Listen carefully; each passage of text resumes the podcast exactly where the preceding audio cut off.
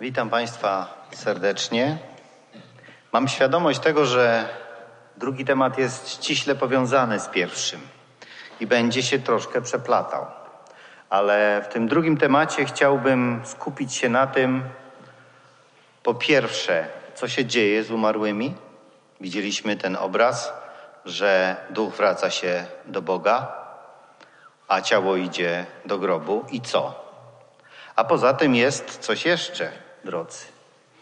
Pytanie ciekawe, które dotyczy tego, co dalej z umarłymi. Czy coś jeszcze Bóg przygotował dla człowieka? Bo chyba jesteśmy zgodni, zresztą ja podam jeszcze kilka wersetów, które na pierwszy rzut oka mogą stanowić dowód na to, że rzeczywiście ta grafika, którą mamy tutaj na slajdzie, mogłaby być prawdziwa, ale jest cała masa wersetów i ich nie jesteśmy dzisiaj w stanie wszystkich podać, które mówią, że człowiek po śmierci jest nieświadomy. Bo tak, drodzy, co tak naprawdę dzieje się w czasie śmierci i po śmierci? Są owszem świadectwa pewnych ludzi, którzy przez kilka minut czy kilkanaście byli w tak zwanej śmierci klinicznej i oni wracają i mówią, coś tam się działo. Ale czy jesteśmy w stanie, czy możemy wierzyć tym relacjom? Równie dobrze, drodzy, to mogły być pewne procesy fizyczne zachodzące w neuronach mózgu, które utrwaliły pewne e, wyobrażenia, tak jak nasz sen, które są nieprawdziwe. Musimy gdzieś indziej udać się po odpowiedź, co się dzieje z człowiekiem po śmierci. Jest jeszcze jedna ważna wskazówka i ktoś, kto wiedział bardzo dużo o człowieku i o jego śmierci. To jest nasz Pan Jezus Chrystus. I On porównał śmierć do snu. Pokażemy ten fragment i zastanowimy się dlaczego. Dokonał też Jezus pewnej manifestacji. Na przykładzie swojego przyjaciela Łazarza zamanifestował i pokazał wszystkim, jak będzie wyglądało coś, co dotyczy wszystkich ludzi w przyszłości. I jeszcze jedno pytanie, które nam się z pewnością nasuwa, które jest oprócz tego wszystkiego, co słyszeliśmy w poprzednim temacie. Czy Bóg, który jest miłością, może kogokolwiek męczyć, dokuczać mu, przysmażać, czy jeszcze coś innego robić przez wieki, przez, przez wieczność, albo nawet przez krótki czas? Będzie taki werset, chciałbym go przytoczyć, drodzy Państwo, po to, żebyśmy wiedzieli, jaka była, jaka jest w Biblii zapisana reakcja Boga na męczenie.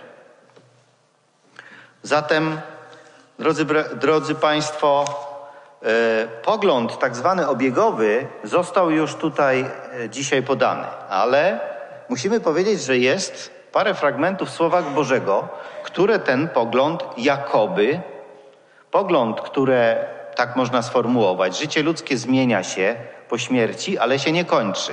Tak słyszymy w niektórych modlitwach, w śpiewach. I są fragmenty Słowa Bożego, które jakoby tego do, udowadniają. Bylibyśmy nieuczciwi, gdybyśmy nie przytoczyli ich tu, nie zanalizowali, chociaż pobieżnie. Pierwszy tak, taki fragment to jest e, list, pierwszy list E, apostoła Piotra, czwarty rozdział, werset szósty, który mówi: Dlatego bowiem i umarłym kazano Ewangelię.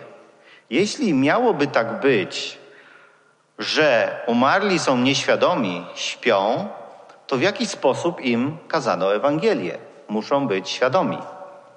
Ale o tym za chwilę. Następny werset, który e, służy niektórym za dowód świadomości umarłych, to jest 1 Piotra 13, e, trzeci rozdział, 19 wierszy, w którym czytamy, przez którego i tym duchom, którzy są w więzieniu, przyszedł, przykazał. Czyli tak jakby Jezus, będąc na ziemi, kazał, głosił Ewangelię umarłym, tym, którzy już zakończyli życie. I Łukasz Ewangelia Łukasza, w której nasz Pan sam podaje pewną przypowieść, przypowieść o e, Łazarzu i bogaczu.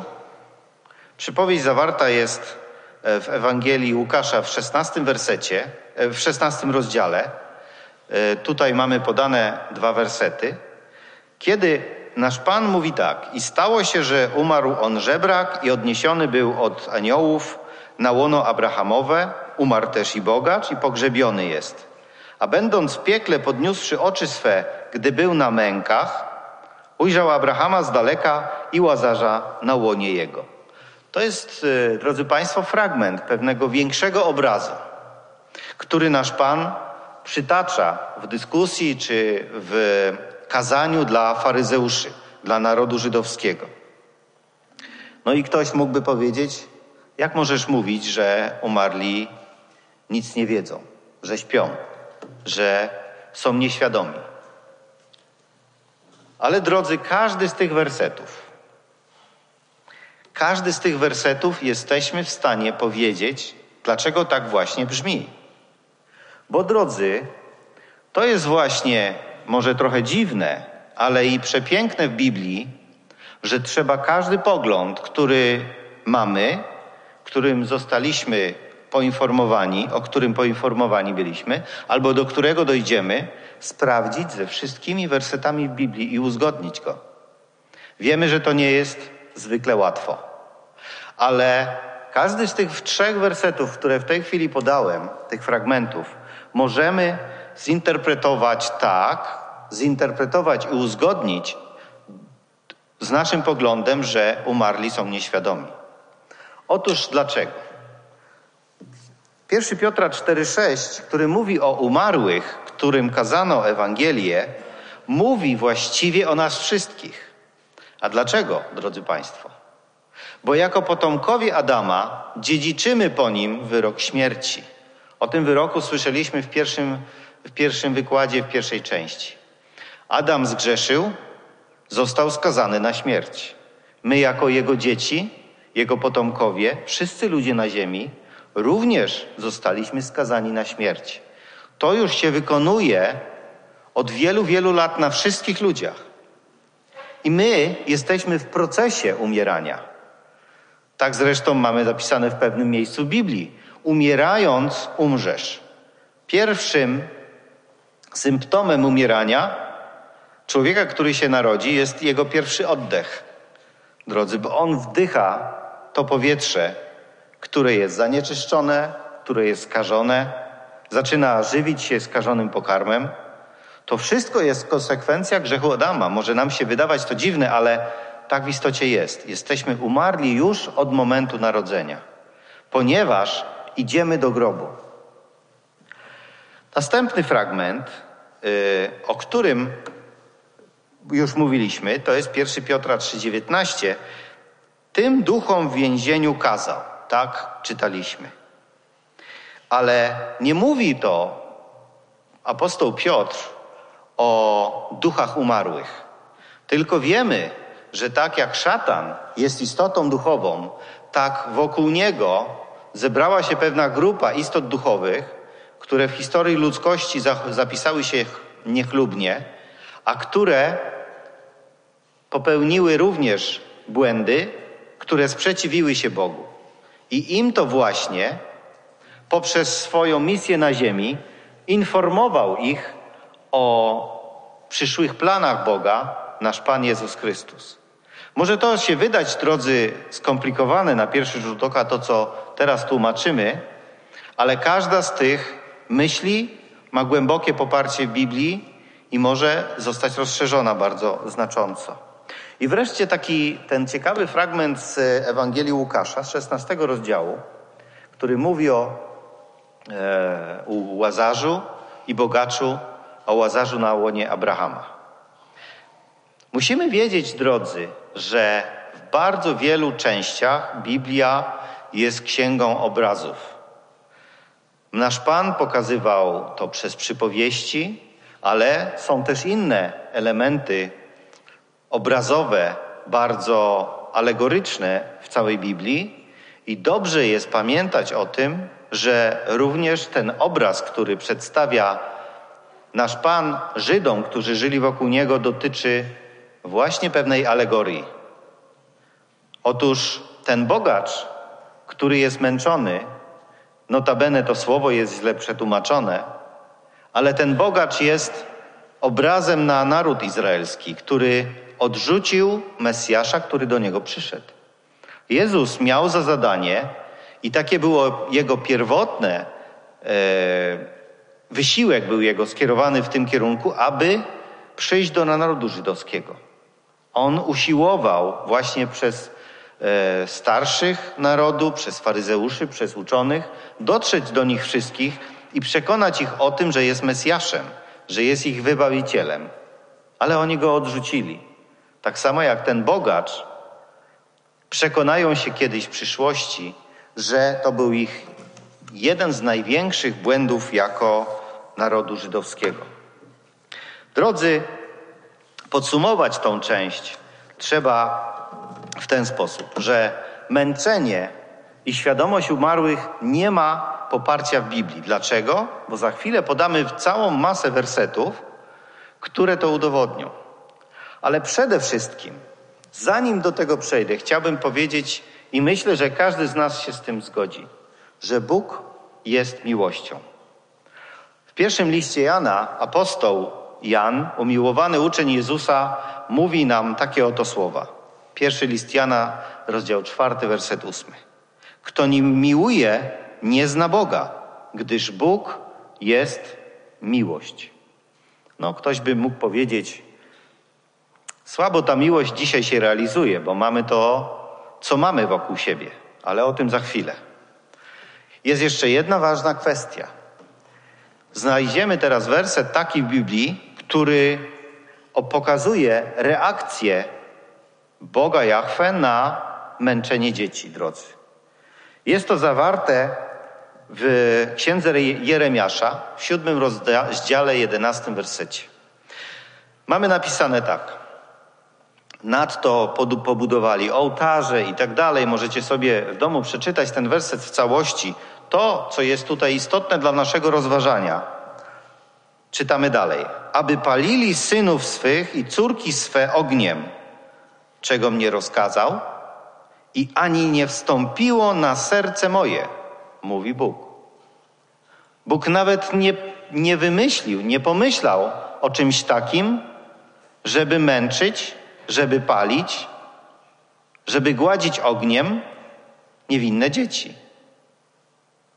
Jak zatem możemy wytłumaczyć, że On zorganizował w pieczołowity sposób miejsce wiecznej męki dla ludzkości? To nie jest ten Bóg, drodzy. Zatem jak powinniśmy podchodzić do świadomości umarłych? Co tak się naprawdę dzieje z człowiekiem po śmierci? Jaki jest pogląd biblijny?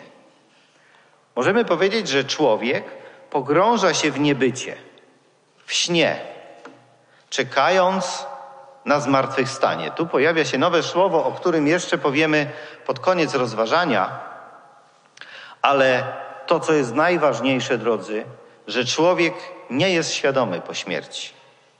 Jest wiele wersetów. Ja na początek przy, przywołam dwa fragmenty.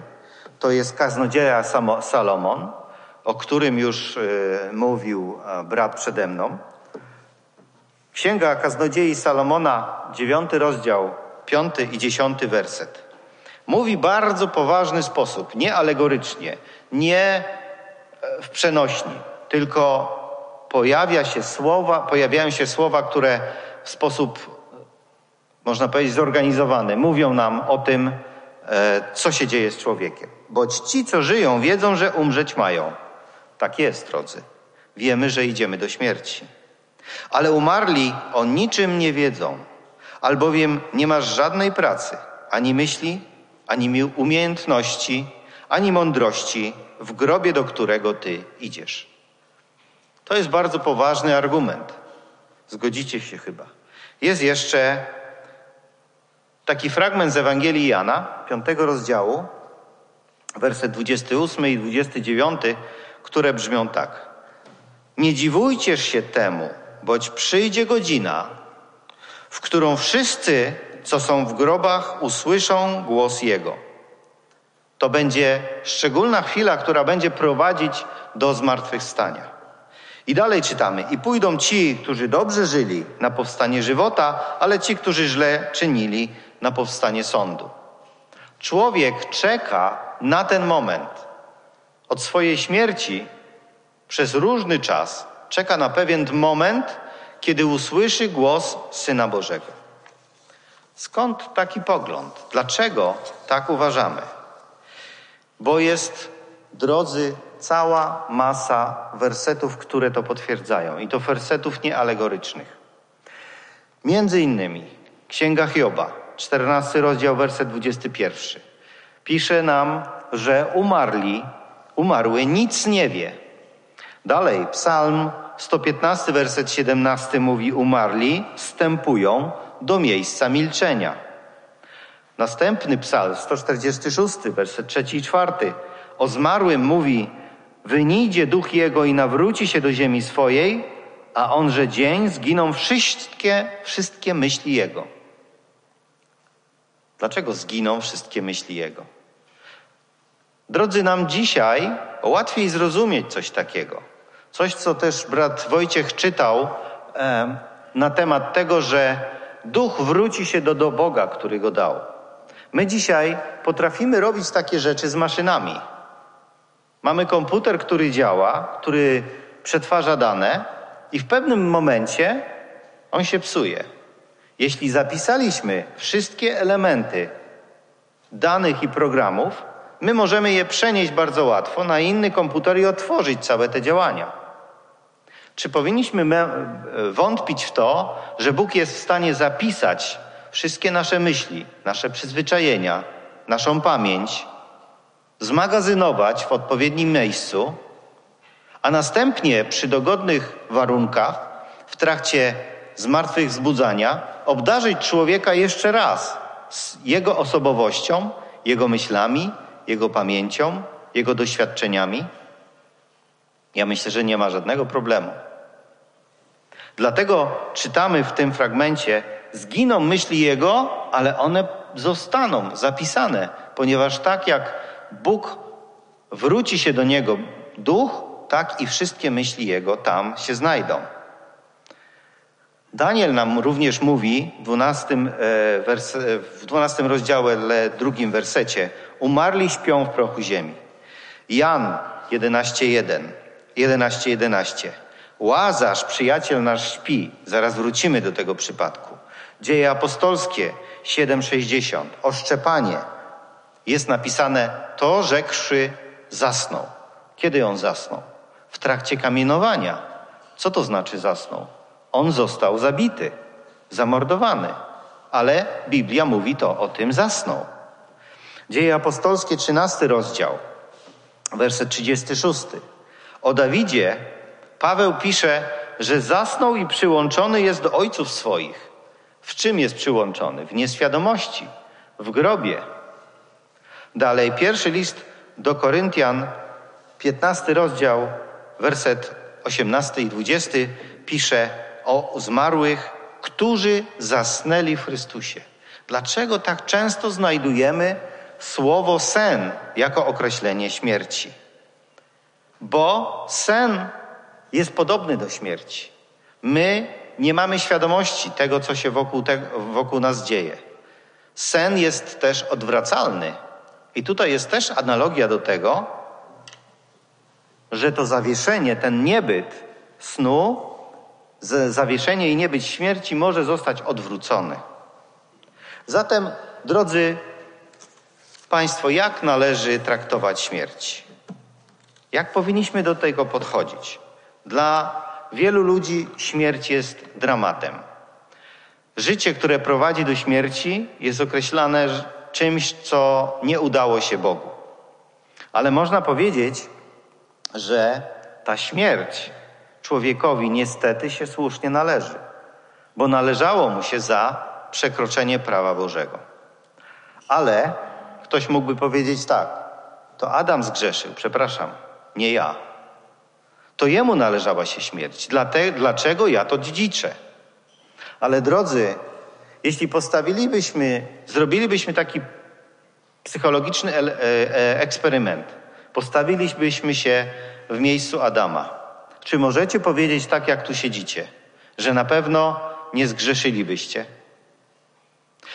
Mając tą nieświadomość tego, czym w istocie jest śmierć, mając doskonały, owszem, umysł, doskonałe warunki wokół siebie, ale nie znając niczego innego, czy na pewno nie zgrzeszylibyście? Dzisiejsze nasze życie udowadnia, że człowiek jest bardzo skłonny do grzechu. I dlatego wydaje się, że dozwolenie na grzech, czyli to, co Bóg przejściowo dopuścił na człowieka, ja mam takie porównanie i chciałem Wam przytoczyć. Jak boli nas ząb i idziemy do dentysty, siadamy na fotelu i dentysta rozwierca nam ząb, bardzo nas wszystko boli i on mówi: Proszę pana, niech pan się nie martwi, wszystko będzie dobrze. Wierzymy mu? Z reguły tak. Dlaczego? Bo mamy do niego zaufanie. A do Boga jakoś ludzkość nie potrafi mieć zaufania. Jesteśmy w stanie, jak na tym fotelu dentystycznym. Bóg doświadcza nas. Bóg daje nam poznać zło, które sami na swoje życzenie człowiek, jako rodzaj ludzki, czyli Adam, sprowadził na tą ziemię. Ale mówi: Wszystko będzie dobrze, bo mam jeszcze coś w przyszłości. Mam coś, dzięki któremu każdy człowiek, który będzie chciał, będzie mógł żyć wiecznie na warunkach sprawiedliwości.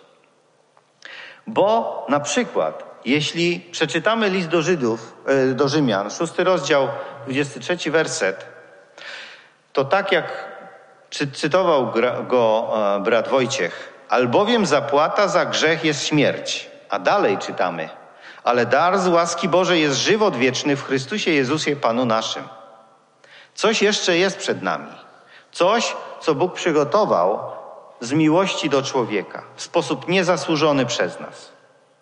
Biblia zawiera wiele obietnic dotyczących tego, że między innymi śmierć zostanie zniszczona.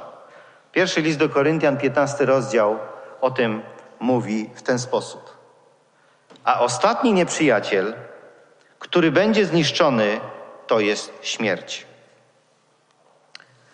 No i jeszcze bardzo ciekawy temat dotyczący naszego Pana. Dlaczego nasz Pan porównał śmierć do snu? I co chciał pokazać poprzez łazarza? Bo tak jak czytaliśmy ten werset, to powiedziawszy, potem rzekł do nich: Łazarz, przyjaciel nasz śpi, ale idę, abym go ze snu obudził. Drodzy Państwo, Jezus dokładnie wiedział, że Łazarz umarł. Nie tylko powiedziano mu to, on to czuł że Łazarz już leży w grobie, ale świadomie, mając na uwadze lekcję, którą w przyszłości chciał dać wszystkim, którzy byli przy wzbudzeniu Łazarza, powiedział, na, powiedział Łaza, Łazarz, nasz przyjaciel, śpi. Bo, drodzy Państwo, umarłym być oznacza trwać w niebycie, nieistnieniu, zawieszeniu, nieświadomości, to jest tak jak w głębokim śnie. Nie zawsze, drodzy, głęboko śpimy. Nieraz jest tak, że budzimy się co kilka godzin albo co godzinę, albo śni nam się coś. Ale nieraz na pewno doświadczyliście takiego czegoś, że kładziemy się zmęczeni wieczorem i budzimy się rano. Nie wiemy w ogóle, gdzie jesteśmy, jaki czas minął, czy jest ciemno, czy jasno, jeśli mamy zasłonięte okno. Mieliśmy przerwę po prostu nasz mózg odpoczywał tak głęboko, że nie mieliśmy świadomości upływu czasu. Taka jest właśnie śmierć. Jest jeszcze jedna przyczyna, dla której Jezus przyrównał śmierć do snu. Że śmierć może zostać odwrócona, tak jak śmierć może, jak sen może zostać przerwany. I teraz do tego przykładu, o którym już mówiliśmy, ale zanim do tego, to co będzie się działo zatem z umarłymi? Już mieliśmy kilka wzmianek o tym. Jest pewna nadzieja, nadzieja zmartwychwstania. Czyli przyjdzie taki moment czasu, jak pisze nam w Ewangelii Jana apostoł Jan, piąty, werset, piąty rozdział, 28 werset. Nie dziwujcie się temu być, boć przyjdzie godzina, w którą wszyscy, co są w grobach, usłyszą głos Jego. Czyli ma być taki moment, taki czas, że wszyscy po kolei będą wstawać z grobu. Niektórzy mówią, że to chyba się nie zdarzy, bo tak długo już ludzie żyją, umierają, że po pierwsze to się nie zmieszczą na ziemi, po drugie, no jak to ma w ogóle działać, a po trzecie właściwie po co? Jeśli ci, którzy są w niebie, a tak wielu wierzy, to co, mają wrócić na ziemię, powstać z grobu, po co? Przecież będzie im gorzej. Ale jest taki ważny dowód, napisany przez apostoła Pawła w liście do Koryntian. Pierwszy list do Koryntian, 15 rozdział, fragment od 13 do 20. Ja wyciągnąłem takie najważniejsze rzeczy i czytamy. Bo jeśli zmartwychwstania nie ma, wtedy i Chrystus nie jest wzbudzony. A jeśli Chrystus nie jest wzbudzony, wtedy daremne kazanie nasze, daremna wiara wasza.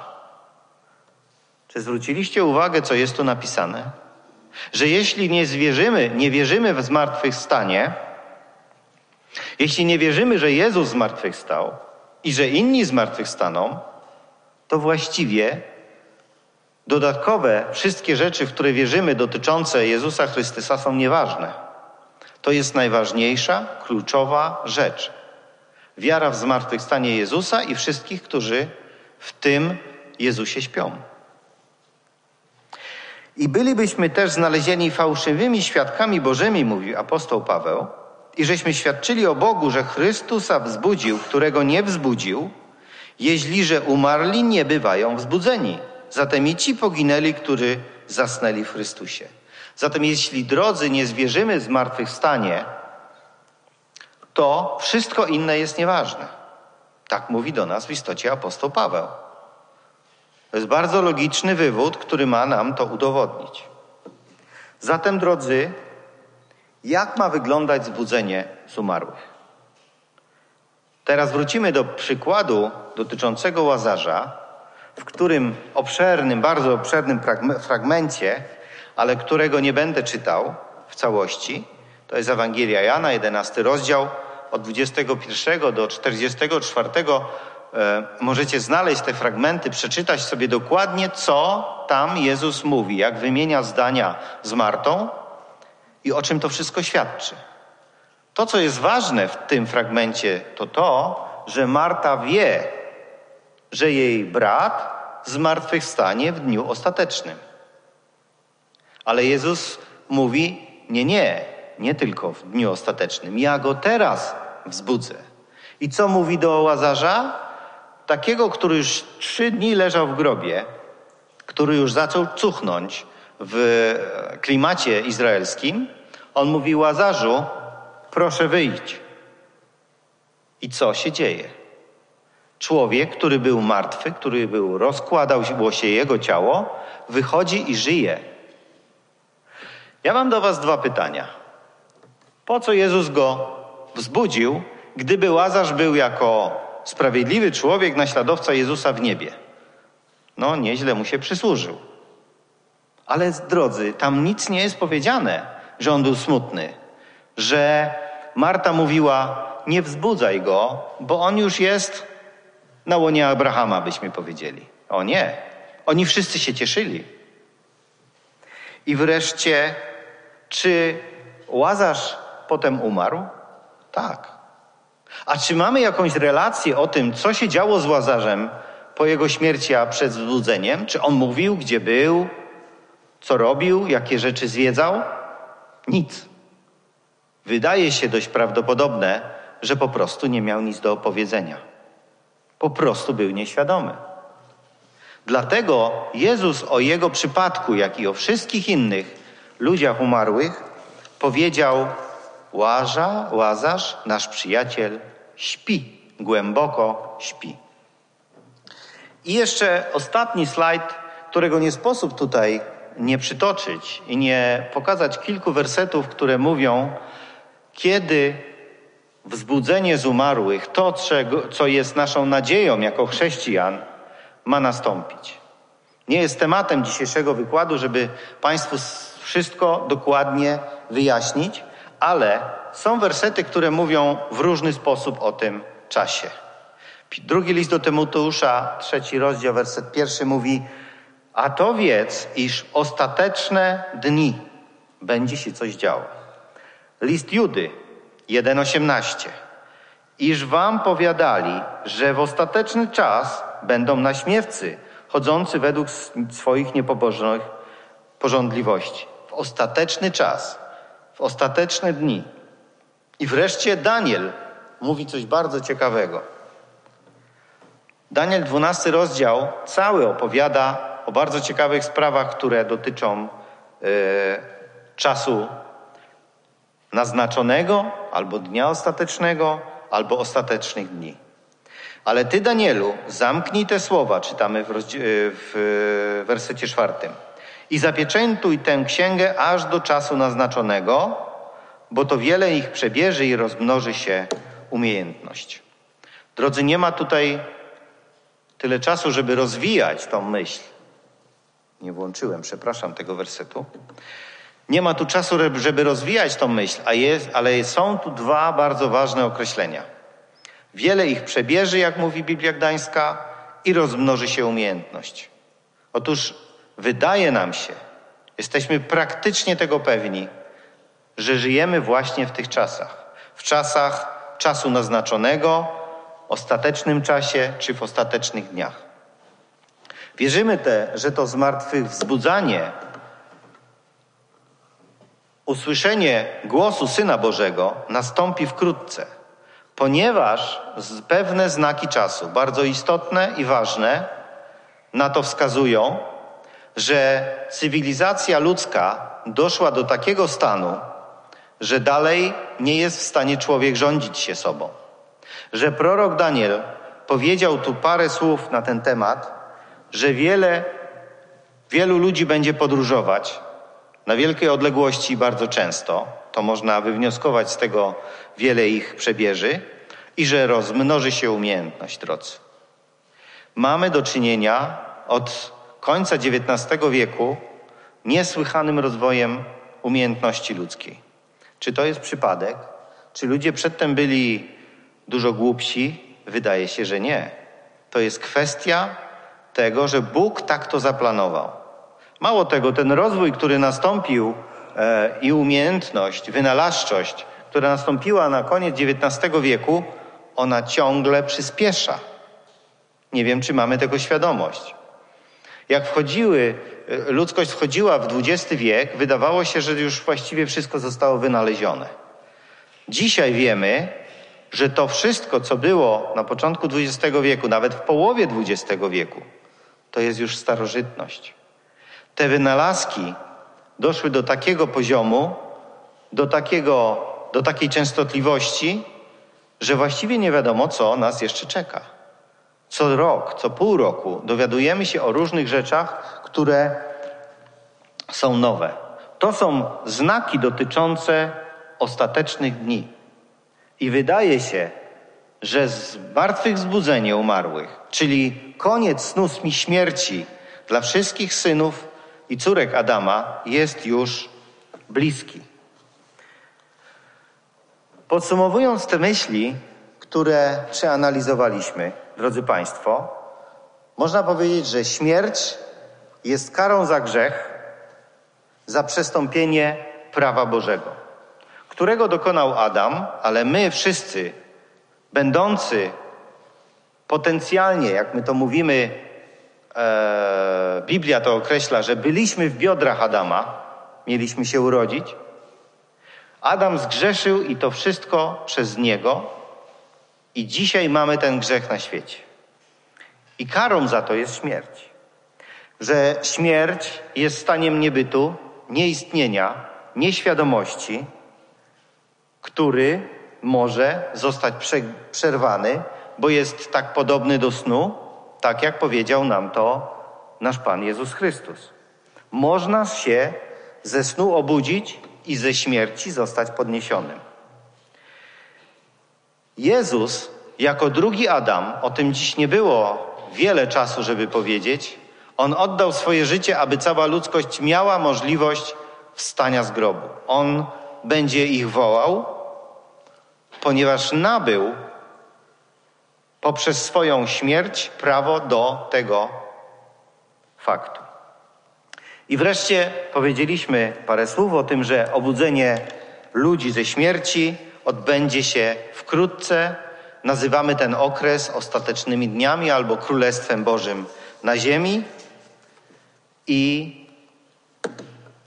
to kończy ten krótki temat dotyczący pytania, gdzie są umarli. Umarli są w grobach, gdzie są nieświadomi, gdzie są nieobecni i czekają na poranek zmartwychwstania, tak jak to określa i o czym mówi Biblia. Dziękuję za uwagę.